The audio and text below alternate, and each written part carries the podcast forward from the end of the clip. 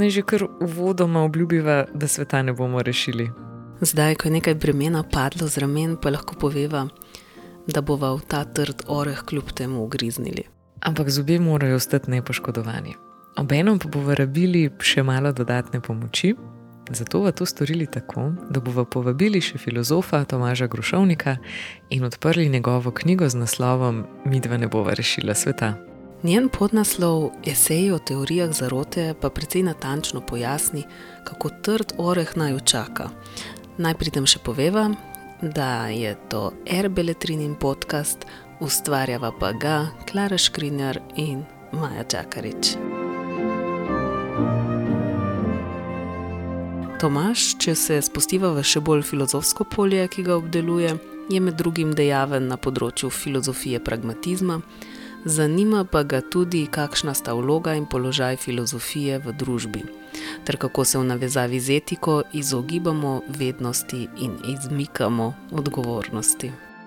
Je avtor več del, odtenki zelene, etika živali, moralke in predna zadnje karantenozofije, razmišljanja o pandemiji. Kjer se je teorija zarote, se pravi te pereče teme našega, tudi že davnega časa, že dotaknil zdaj pa v tej knjigi, ki je šla pri mladinski knjigi, še izdatneje razširil. A predvsej obvladljivo, svoje misli je strnil na 96 strani. Katera pa je tista teorija zarote, ki ga je s trampolina odbila knjigi naproti? Začelo se je, ko se je pripravljal na radijsko oddajo. Takrat se mu je posvetila ta neka mogoče osrednja misel ali nek light motiv razmisleka o teorijah zarod, da so pravzaprav na nek način, naj se sliši to protislovno, ampak to lažba pred neko še bolj kruto resničnostjo.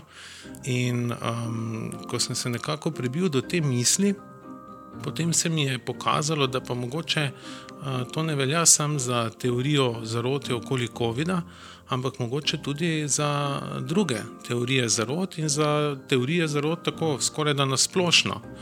In tako sem začel preizkušati to mini teorijo na drugih teorijah zarod, in se mi je zdelo, da sem prišel do, do ne bom rekel, zdaj obetavnih, ampak do zanimivih rezultatov.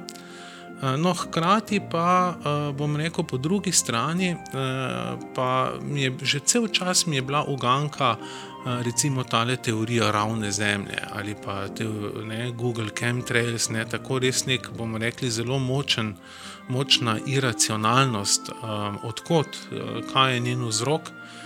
To me je nekako tako, ne? sem se spraševal, od, odkot, zakaj ljudje gojijo ta prepričanja, in se mi je zdelo, no, zdaj pa je res čas, da se posvetim tem, kot jim sam rečem, spoznavnim pojavom, epistemskim fenomenom, in sem jih potem skušal na nek tak eseističen način v tej knjižici uh, obdelati. Tako da to so ti glavni dejavniki, ki so me napeljali uh, k temu.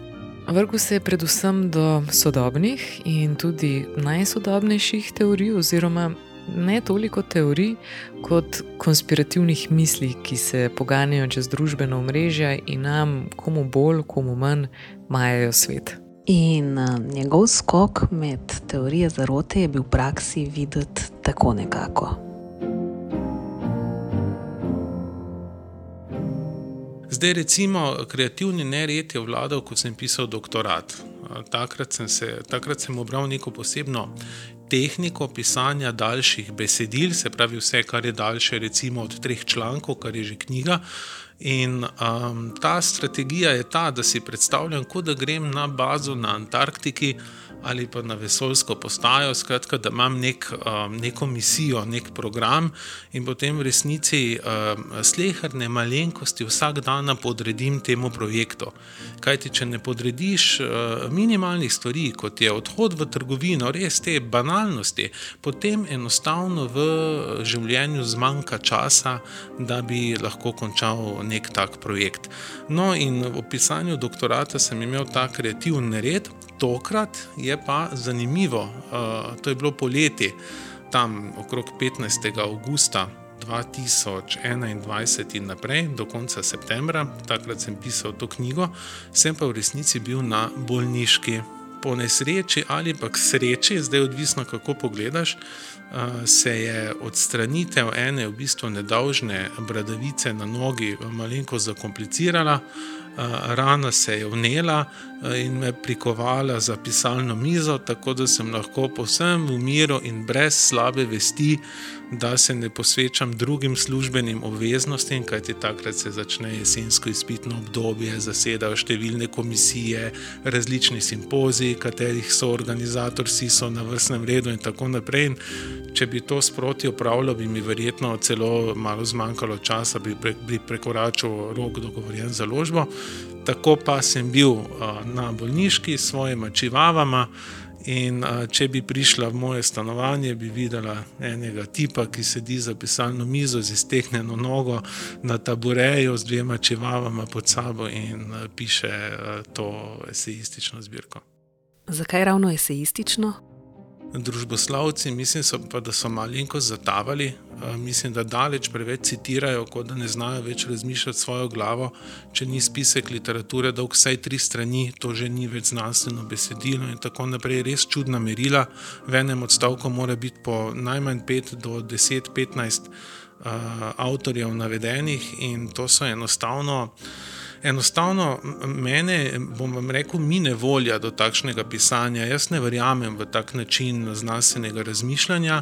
In ko mi psihologi ali pa tudi kakšni drugi družboslovci pravijo, da bi moral za svoje misli najti uh, neke vire, sicer niso veljavne, razen če sem se jih res sam spomnil potem se mi zdi, da tako da bom rekel, sem nekako žalosten in se mi zdi, da se res v globokem ne razumemo, kaj sploh pomeni znanstveno raziskovanje, in posledično imam veliko raje esejistično pisanje. Oziroma, se mi zdi, da je to pravzaprav na nek način tisto res odkrivajoče, tisto, ki odpira uh, horizonte mišljenja, kakorkoli bi mogoče zgadam, ali lahko to imenoval. Zabavno je, no, njemu morda takrat niti ni bilo, da je knjigo napisal kar dvakrat. No, nekega dne sem postavil piko in potem čez dva dni šel celotno stvar prebrati in ugotovil, da je, pardon, izrazil krep, da je za nič. In potem um, pač sem bil tretji dan, sem ne, šel v peko uh, in sem začel znova. In potem, ko sem začel znova, je bilo seveda veliko lažje, vse misli so že bile tukaj, samo v nekem čist drugem slogu. No, prav res slog je bil drugačen, čist drug slog. In sem, takrat sem pa vedel, da to je to. In ko sem naredil piko, uh, sem vedel, tako občutek za okroženosti sem imel in sem vedel, da zdaj pa je delo končano. In to se mi večkrat zgodi, ne, recimo, tako, ko, ko študenti, ko se pogovarjamo. Ja, pa ne, vi pa imate izkušnje, pa to sem kar tako napišete, ne, jaz se pa moram učiti in truditi, pa mi ne gre, pa veliko krat dolgo začenjam, pa nisem zadovoljen. Ja, ne, ne, ne, vse tudi z mano je enako. Enostavno, ne glede na to, koliko izkušenj imaš, veliko krat pač napišeš krepne. Mogoče je zaradi tega recept ta, da pač res veliko napišeš. No, ne vem, bogi pa potem ti, ki morajo to vse prebirati. A se spustimo kar v knjigo in potipamo najprej pri ključnem uvodnem vprašanju, kaj teorija zarote sploh so. Zdaj, zarota pomeni nekaj takega kot no, konspiracija, ne? torej dihati skupaj. Po, po slovensko je tukaj ta rotiti se, zakleti se, ne? se odločiti za nek skupen cilj. Torej, zdaj teorija zarote je pa neka razlaga pojavov sveta, ki odstopa od običajne razlage. To je takšna, dobro, se skoraj da samoumevna uh, ugotovitev. Ne, če ilustriramo, ne, recimo, teorija ploščate Zemlje uh, odstopa od splošno sprejete uh, teorije ali pa ne vem, tere kemične letalske sledi tudi odstopajo od splošno sprejetih in uveljavljenih znanstvenih teorij. To je mogoče prva točka. No, to še ni dovolj za teorijo zarote, ker kot rečeno, zarota mm, nakazuje na nek skrivni namen nekih vršilcev. Ne? Tako da vsaka teorija zarote pravzaprav predpostavlja nekoga, ki je v ozadju. Ne? Se pravi, nekoga, ki, ki uh, upravlja na takšen ali drugačen način s svetom. No, dalje, eh, naslednja točka, ki je pa seveda ključna, je pa ta in tako mogoče tvistne. Teorija zarote ravno misli, da je ta običajna, uveljavljena slika, ki je splošno sprejeta ne, in ki jo ljudje imajo v svetu, ravno že del zarote, da jo zarotniki širijo, zato da bi ljudi prepričali, da ja, se Zemlja je okrogla ali pa ne vem, virus v resnici obstaja, zato da vas lahko cepimo z tranzistorji ali kakorkoli že. In to je ta nek njen poseben twist, ne, da ima običajno razlago ravno že za del teorije, teorije zarote. No, in iz teh uh, ključnih točk pravzaprav potem uh, lahko marsikaj uh, izpeljemo, od tega, da se vprašamo, čemu bi nekdo predpostavljal vršilce za dogodki v svetu, se pravi nekoga, ki ima vse niti v rokah, do tega, kako potem ločevati med teorijami zarot in dejanskimi zarotami, in m, potem, deja, uh, potem znanstveno sliko sveta, upravičeno sliko sveta, in tako naprej. Ampak ti, ta, ti elementi so so glavni. Ne? Se pravi, neka alternativna razlaga, ki predpostavlja, da je nekdo v ozadju dogodkov in ki potem po drugi strani ne, tudi eh, povzroča ne, neko zmoto pri ljudeh s tem, da, da širi neko razlago, ki jo imajo ljudje potem za tradicionalno.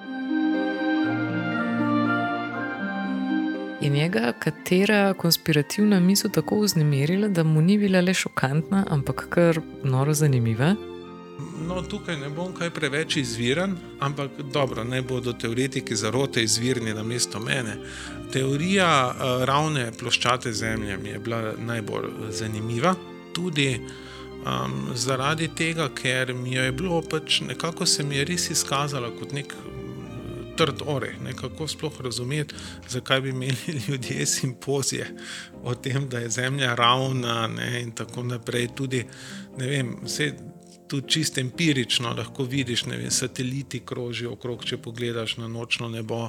Ne vem, če se malenkost več ukvarjaš z astronomijo, lahko zaznaš tako iz, noč, iz noči v noč, v katero smer. Zemlja kroži po vesolju, in tako naprej. Zdaj potem imamo tukaj Foucaultovo nihalo, recimo, ki kaže na to, da se Zemlja vrti, no, sebi se disk tudi lahko, kakorkoli. Ampak ne, ta me je res, uh, me je res intrigirala.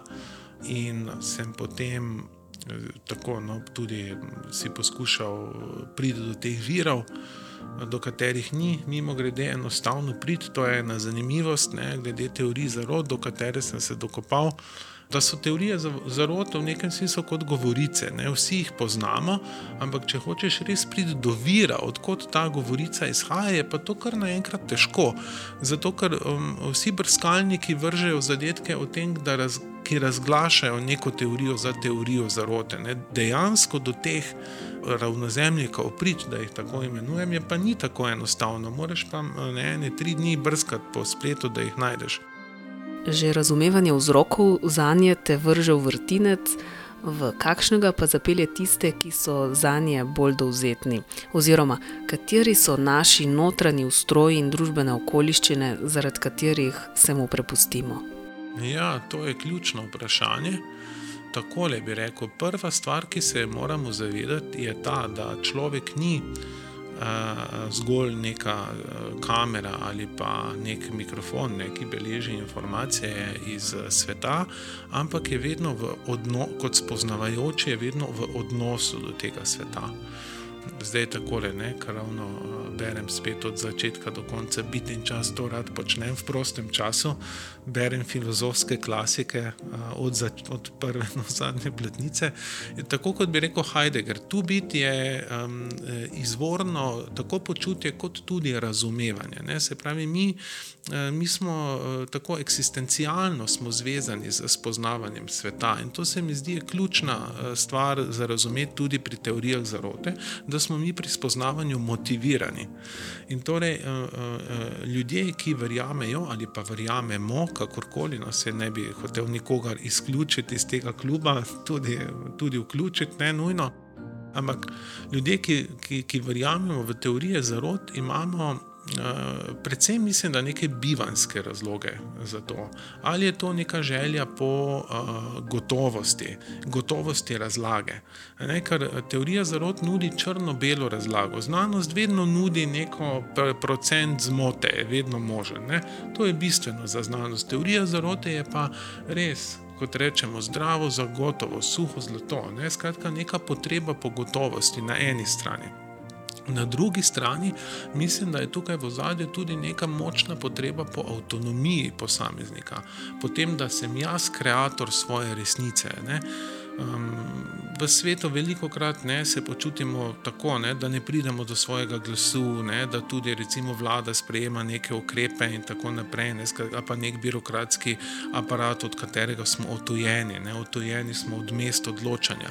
Zdaj pa, če pa jaz povem nek svoj narativ, neko svojo zgodbo, pa sem na nek način, uh, ne, sem jaz njen avtor in sem jaz avtor svoje resničnosti ne, in me to v nekem smislu opolnomoči. Sem jaz tisti, ki pove zgodbo. Se pravi, gotovost, avtonomija in tretja stvar. Tretja stvar, ki je lahko v ozadju, je čisto lahko tudi tale, ne? da se razlikujem od drugih, da sem jaz ta, ki ve nekaj več, ki ve malo globje ki tudi si malo mogoče začara ta vsakdanjik, ne, ta dolgočasen, pusti ne, svet, v katerem vem, mi zdaj tukaj sedimo v eni dnevni sobi, uh, ki je zelo prijetna in to, ampak smo navadni ljudje. Ne bi bilo bolj fantastično, če sta dve kuščarki ne, v človeški preobleki in zunaj mrguli nekih čudaških, čudaških biti. Ne. Na nek način je tako, kot je ena taka mala kriminalka ne, ali pa ne vem, kaj so te igre prestolov ali uh, ti hobiti in to. Ne? In ta mogoče potreba po razlikovanju samega sebe, po napetosti, po tem, da vnesem čudežno v svoj svet, uh, mislim, da so vse to neke, neki motivi. Ki se lahko prepletajo, lahko se ojačajo, lahko se uh, nadgradijo, včasih se tudi celo izključujejo, ampak mislim, da so ti ti, ki določajo, uh, nekako, ali, pa, ali pa so neki prediktori za to, da bo nekdo teoretik zarote. Pri tem pa Tomaš razvija idejo prispodobo Don Quixota. Spomnimo se ga kot entuzijastične, zagrenjene, smešne, pa tudi plemenite osebe, ki rešuje svet in dobre ljudi pred zlobnimi silami, ki so jih začarali. Odlično, hvala za to vprašanje. Rad se kitim no, za, za tem odkritjem Don Quixota kot teoretika zarote. Res sem tudi prav užival, no, eh, ko sem o tem razmišljal, tudi sem bil vesel, ko sem našel to povezavo in res mislim, da je ne, ta eh, Don Quixotovski moment zelo močno prisoten pri teoretiku zarote. Pričemer je treba povdariti nekaj. No. Ugotovil sem, da zelo na robe razumemo Don Quixota. Ne, ta recimo prispodoba v boju z mlini na veter. Ja, mislim, da, da to pomeni, da ah, pusti, kaj boš se s tem vodil, to te presega kot posameznika. Ne, ne vem, recimo, da bi rekli, ah, boj z svetovnimi gospodarskimi tokovi je boj z mini na veter, tukaj tako ne moreš nič narediti. Ne, ne, ne, ne, ne, to ni Don Quixote. To ni Cervantesov Don Quixote. Problem boja z mlini na veter je v tem, da tam ni mlinov na veter, da se on boji proti nečem, kar ne obstaja. Ne, tako da ta prispodoba, ki jo rabimo vsakdano, je napačna v resnici. E, morali bi jo uporabljati takrat, kadar imamo v mislih nekoga, ki si pretvarja nek boj z ne vem kom. E, tega drugega pa sploh ni, v bistvu boj slamnati možen. In um, se mi zdi, ne, da recimo, ko teoretik zarote tako se zoprstavlja proti tem pokvarjenim znanstvenikom, ki ljudi varajo glede obstoja videza, ne, je res ta Don Quixote, v bistvu plemenit človek, ki ima močno moralno intenco pomagati ljudem. Ne. Ampak je žal v tako globoki zmedi, ne, da naslavlja popolnoma napačnega človeka, ne, torej nekega zdravnika, ki tudi v resnici pomaga ljudem. Ne. Eh, in, uh, in, in zdaj in blodi, podobno blodi kot Don Quixote. Zakaj pa blodi? Kaj je vir njegove norosti, iz katerega niti Sančo Pansa ne more potegniti? V mojem branju Don Quixota eh, neka neka, neka napetost med uh, ideali in realnim svetom, ki, ga, ki je Don Quixote ne prenese. On ne želi tega okrutnega, banalnega, tudi veliko krat odčaranega, dolgočasnega sveta. On se želi vrniti nazaj, tako kot smo prej rekli, želi začarati svet, želi najti tudi te ideale viteštva znova v njem. Ne? Tako kot tale mladenič ne, pred kapitolom z tisto kapo, ne, krznino in bivoljem, roga, govi ali kaj že imel na glavi. Ne. On v resnici želi pomagati ljudem, želi jih rešiti, ne, želi iztrgati to kvantno tehnologijo, ne, ki jo ima Hillary Clinton ne, v nekih kleteh zaprto, ne, želi osvoboditi ta potencial in pomagati ljudem. Ne. Skratka, želi uh, vrniti neko upanje, neko upanje za prihodnost, neko, uh, neko moralnost, ne, neko čistost ne, uh, v svetu, podobno kot Don Quixote.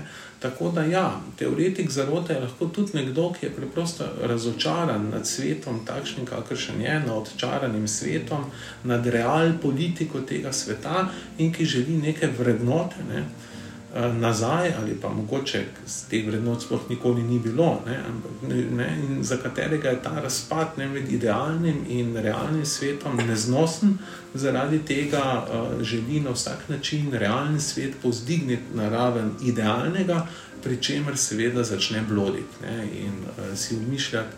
In gre potem na križarsko vojno ne, proti neobstoječemu sovražniku. Pri tem pa je treba poudariti, da je teoretik zarote lahko vsakdo. Kdo recimo ni niti malo podvomil o tem, kdo je ubil ameriškega predsednika Johna F. Kennedyja ali pa se je spraševal o pletenosti ameriške vlade v teroristični napad na dvojčka in Pentagon. Treba se zavedati tega, ne, da teoretik zarote ni nek torec tam zunaj ne, na polju, medtem ko smo mi vsi racionalni in trezni ljudje, ampak na nek način, ne, kadar govorimo o teoretiku zarote, govorimo o slehrniku. Slehrn človek ne, je to spoznavajoče bitje, ki je v odnosu do sveta in ki svet spoznava na motiviran način. In ja, pri teh razmišljanjih sem ugotovil, da imajo podobno strukturo kot recimo uh, hipohondrija ali pa uh, patološko ljubosumje. Zdaj, deloma so ti razmisleki povezani z mojim branjem Stenja Kavela ne, ki je tudi imel to idejo, da pravzaprav um, človek zatava v svoje miselne zgradbe, takrat, kadar se ne more soočiti s kontingenco, naključnostjo, negotovostjo bivanja in tako naprej. Ni šlo pa le za branje kavela, ampak tudi za osebno izkušnjo, v kateri je skoraj zelo brutalno iskren in mu tudi omogoča, da lažje zleze pod kožo teoretikom zarote. Ko sem bil otrok, sem imel te ideje, ne, da sem vem, na smrt bolan, najbolj aktualna stvar so je, so je bila bolezen norih krav. To je bila res uh, in zadeva, in potem me je bilo seveda strah, jaz govedino in tako naprej. In um, prav si lahko spremljal pri sebi, ne, kako ta spoznavni aparat deluje, ne, kako te je vsaka tolažba potolažila samo za par dni, če ne samo za par ur, potem pa se je ta črl dvoma vrnil in začel glodati naprej. Uh, in uh, potem sem videl, kako je to spoznavanje pravzaprav motivirano, no, tako kot sem opazoval samega na sebe nazaj. In uh, v tem smislu, zdaj, ki je tukaj, no, bomo rekli, ne, sorodnost med hipohondrijo in teori teorijami zarod. Hipohondrija nima nobenega skrivnega vršilca v zadju, ki bi vlekel eh, kakršne koli niti ali kaj takega. Sorodnost je bolj na epistemski, uh, epistemološki ravni, ne, spoznavni ravni. Zakaj? Zaradi tega, ker oboje, tako hipohondrija kot teorije zarod, so neovrgljive kar pomeni, da karkoli boš ti hipohondru rekel, njegovega dvoma ne bo pomirilo, zato ker bo vedno najdel nek razlog, zakaj so tvoji, eh, zakaj so tvoji razlogi neveljavni. Ne? Ali je zdravnik zamenjal vzorce. Recimo, ne, torej, čeprav je izvid uh, negativen, ne, ni veljaven, ker sploh ni šlo za tvoje tkivo ali kakorkoli, ne, ali uh, je napačen organ pregledal, in tako naprej. Ne karkoli boš ti navedel kot proti dokaz, te bo teoretik zarote že vnaprej diskreditiral, ker si ti sam že del zarote. Ne? Uh, že govoriš za nekega, bodi si uh, zarotniškega mesta, bodi si tisti najunež, ki so ga zarotniki preslepili. Ne? Tako da tu je neka strukturna pod, uh, sorodnost ne? med hipohondrijo na eni strani, ljubosumjem tudi. Ne? Pri ljubosumnežu je podobno. Karkoli ljubljena oseba naredi, šteje za potrditev. Ne? Se pravi, če ga objame, hm, to je nenavadno, da mi izkazuje ljubezen. Ne? Če me ne objame, aha, sem vedel, ne ljubi me več. Ne? Karkoli naredi, je potrditev. Ne? In če karkoli šteje kot potrditev, to pomeni, da ravno nimamo znanstvenega diskurza, da se, da se gibljemo na neki, eh, bomo rekel, bivanski ravni. Ne? Tako da tukaj. Eh, sem potem lahko našel eh, te povezave in posledično tudi te neke motive, iz katerih se vsi ti spoznavni pojavi napajajo, tako ljubosumje kot hipohondrija, kot teorije zarod. Ti motivi so pa ti, o katerih smo že govorili, negotovost, na eni strani želja pod nadzorom, ne, ljubosumnež, ne, recimo, bi rad bil gotov, ne, onkraj človeške gotovosti, ne, že posesivno gotov, ne glede ljubezni drugega, hipohonder bi rad, seveda, nesmrtno življenje, tako rekoč gotovost, da ne bo umrl. Ne.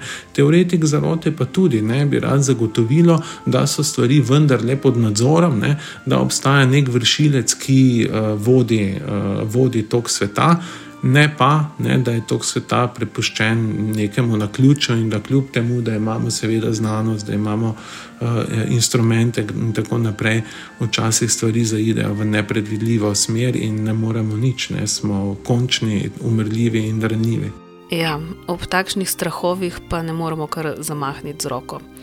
Obenem pa ni videti, da bi brošurice ali uneta pojasnjevanja sproti argumenti kakorkoli zalegli kratkoročnih receptov ni. Seveda, mi potrebujemo objektivna mesta, ne, kjer se recimo vem, v primeru COVID-a je to spletna stran Nacionalnega inštituta za javno zdravje, v primeru podnebnih sprememb je to ARSO, Agencija za okolje Republike Slovenije.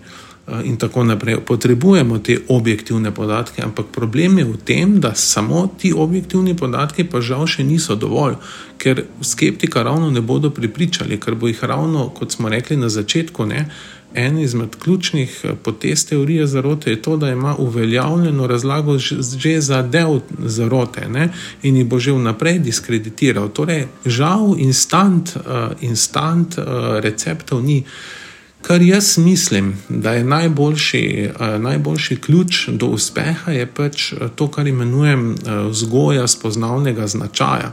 Se pravi, da se posvetimo temu, da na, na nek daljši rok, že od uh, vrčevskega in osnovnošolskega izobraževanja naprej, vzgajamo za, da tako rečem, no, znanstveno misel. Ampak to ne pomeni, da učimo nadrobnosti iz biologije. Nadrob, ravno nasprotno, v teh nadrobnostih se ljudje izgubijo. Mi moramo učiti metodo, se pravi, kako odkrivati svet, kako biti objektiven, kako ne zapasti zmoti, kako samega sebe reflektirati, kako postaviti pod vprašaj svoje lastno mišljenje. To moramo učiti, ne pa kupice podatkov. Zdaj upam, da vse te digitalne kompetence in te stvari ne bodo povozile tega, ne? pa podjetniške kompetence in to, o čemer zdaj govorimo, ne bodo povozile tega, kar je res jedro, nekaj kritično mišljenje. Mislim, da je težava v tem, da ljudje zamenjujejo kritično mišljenje z reševanjem problemov. Ljudje mislijo, da je kritično mišljenje to, da se ti upoštevaš vse dejavnike in najdeš recimo neko rešitev. Ne, ne vem, kako od točke A priti do točke B, sredi gneče v prometu, kje se izogniti. Ampak to ni kritično mišljenje, ne? to je zgolj eno preprosto reševanje problemov, ki ga umetna inteligenca opravi bolje kot človek. Ne? Pravim, če bi na ta način razumeli kritično mišljenje, potem v šolah ne bi rabili pametnih učencev, ampak bi že bili dovolj pametni telefoni. Kritično mišljenje je mišljenje, ki misli samo sebe, kar pomeni, da se ove svojih lastnih predpostavk in da probleme ne toliko rešuje, kolikor se prej odloča, katere je sploh vredno rešiti reševati in kako, kako ti problemi v prvi vrsti sploh nastanejo. Torej, ne kako priti od točke A do točke B, ampak ali sploh iti in zakaj sploh iti na pot. Ne? Če bi dajali poudarek v vzgoji in izobraževanju na tem, potem mislim, da bi uh, mogoče lahko uh, malenkost uh, zmanjšali predpogoje ne, za te iracionalnosti, katerim smo danes priča v družbi. Uh, ljudje ne veš več, ali so memi tradicija, ali je tradicija Platon, ali je tradicija Game of Thrones, ali tradicija Iliada. Ne? In ko, ko si v, v takem neki kakofoniji različnih zvokov, ne, se ti zgodi, da začneš zgubljati obča mesta, ki so pa temelj, ne, že od Aristotela naprej, temelj vsake argumentacije. In kadar zgubljaš taka obča mesta, se ti seveda lahko not v diskurs naselijo razno razne iracionalnosti. No, zdaj, mogoče malo razvejan odgovor, ampak mislim, da ja, ni enostavnega recepta, kako uh, se odkrižati ne, teorij zarod. Pot je dolga, žal pa je tako 50-50 možnosti, da nam bo uspelo tukaj kaj spremeniti. No. Ja, mislim, da mi trije gotovo ne bomo spremenili sveta. Bomo pa zato potegnili črto. Tomaš je pod to knjigo, čeprav teorije zarote ne bodo kar tako izpuhtele iz njegovega obzorja. Ne, se mi zdi, da sem jim res tako posvetil del sebe, da tako rečem, tako kot pravi teoretik za rod, tokrat res v smislu nekoga, ki se teoretik teorij za rod, mogoče. Tako da nekako se mi zdi, da sem uh, s tem nek, malo tudi zaokrožen, no, to, da sem nekako s tem uh, vse zaenkrat končal. No, in še enkrat bi to podaril, ne, sam sebe sem videl pred, predvsem kot nekega esejista, pisatelja ki je pač se trenutno ne ukvarjal z teorijami zarod, v prvi vrsti pa se mi zdi, da sem esejist tudi v tej knjigi. Ne.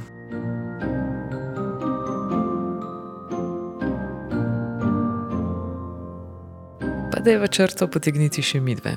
Pravzaprav je bila to zadnja posebna epizoda Erbeletrininega podcasta, naslednje sicer še bodo, a bodo preoblečene.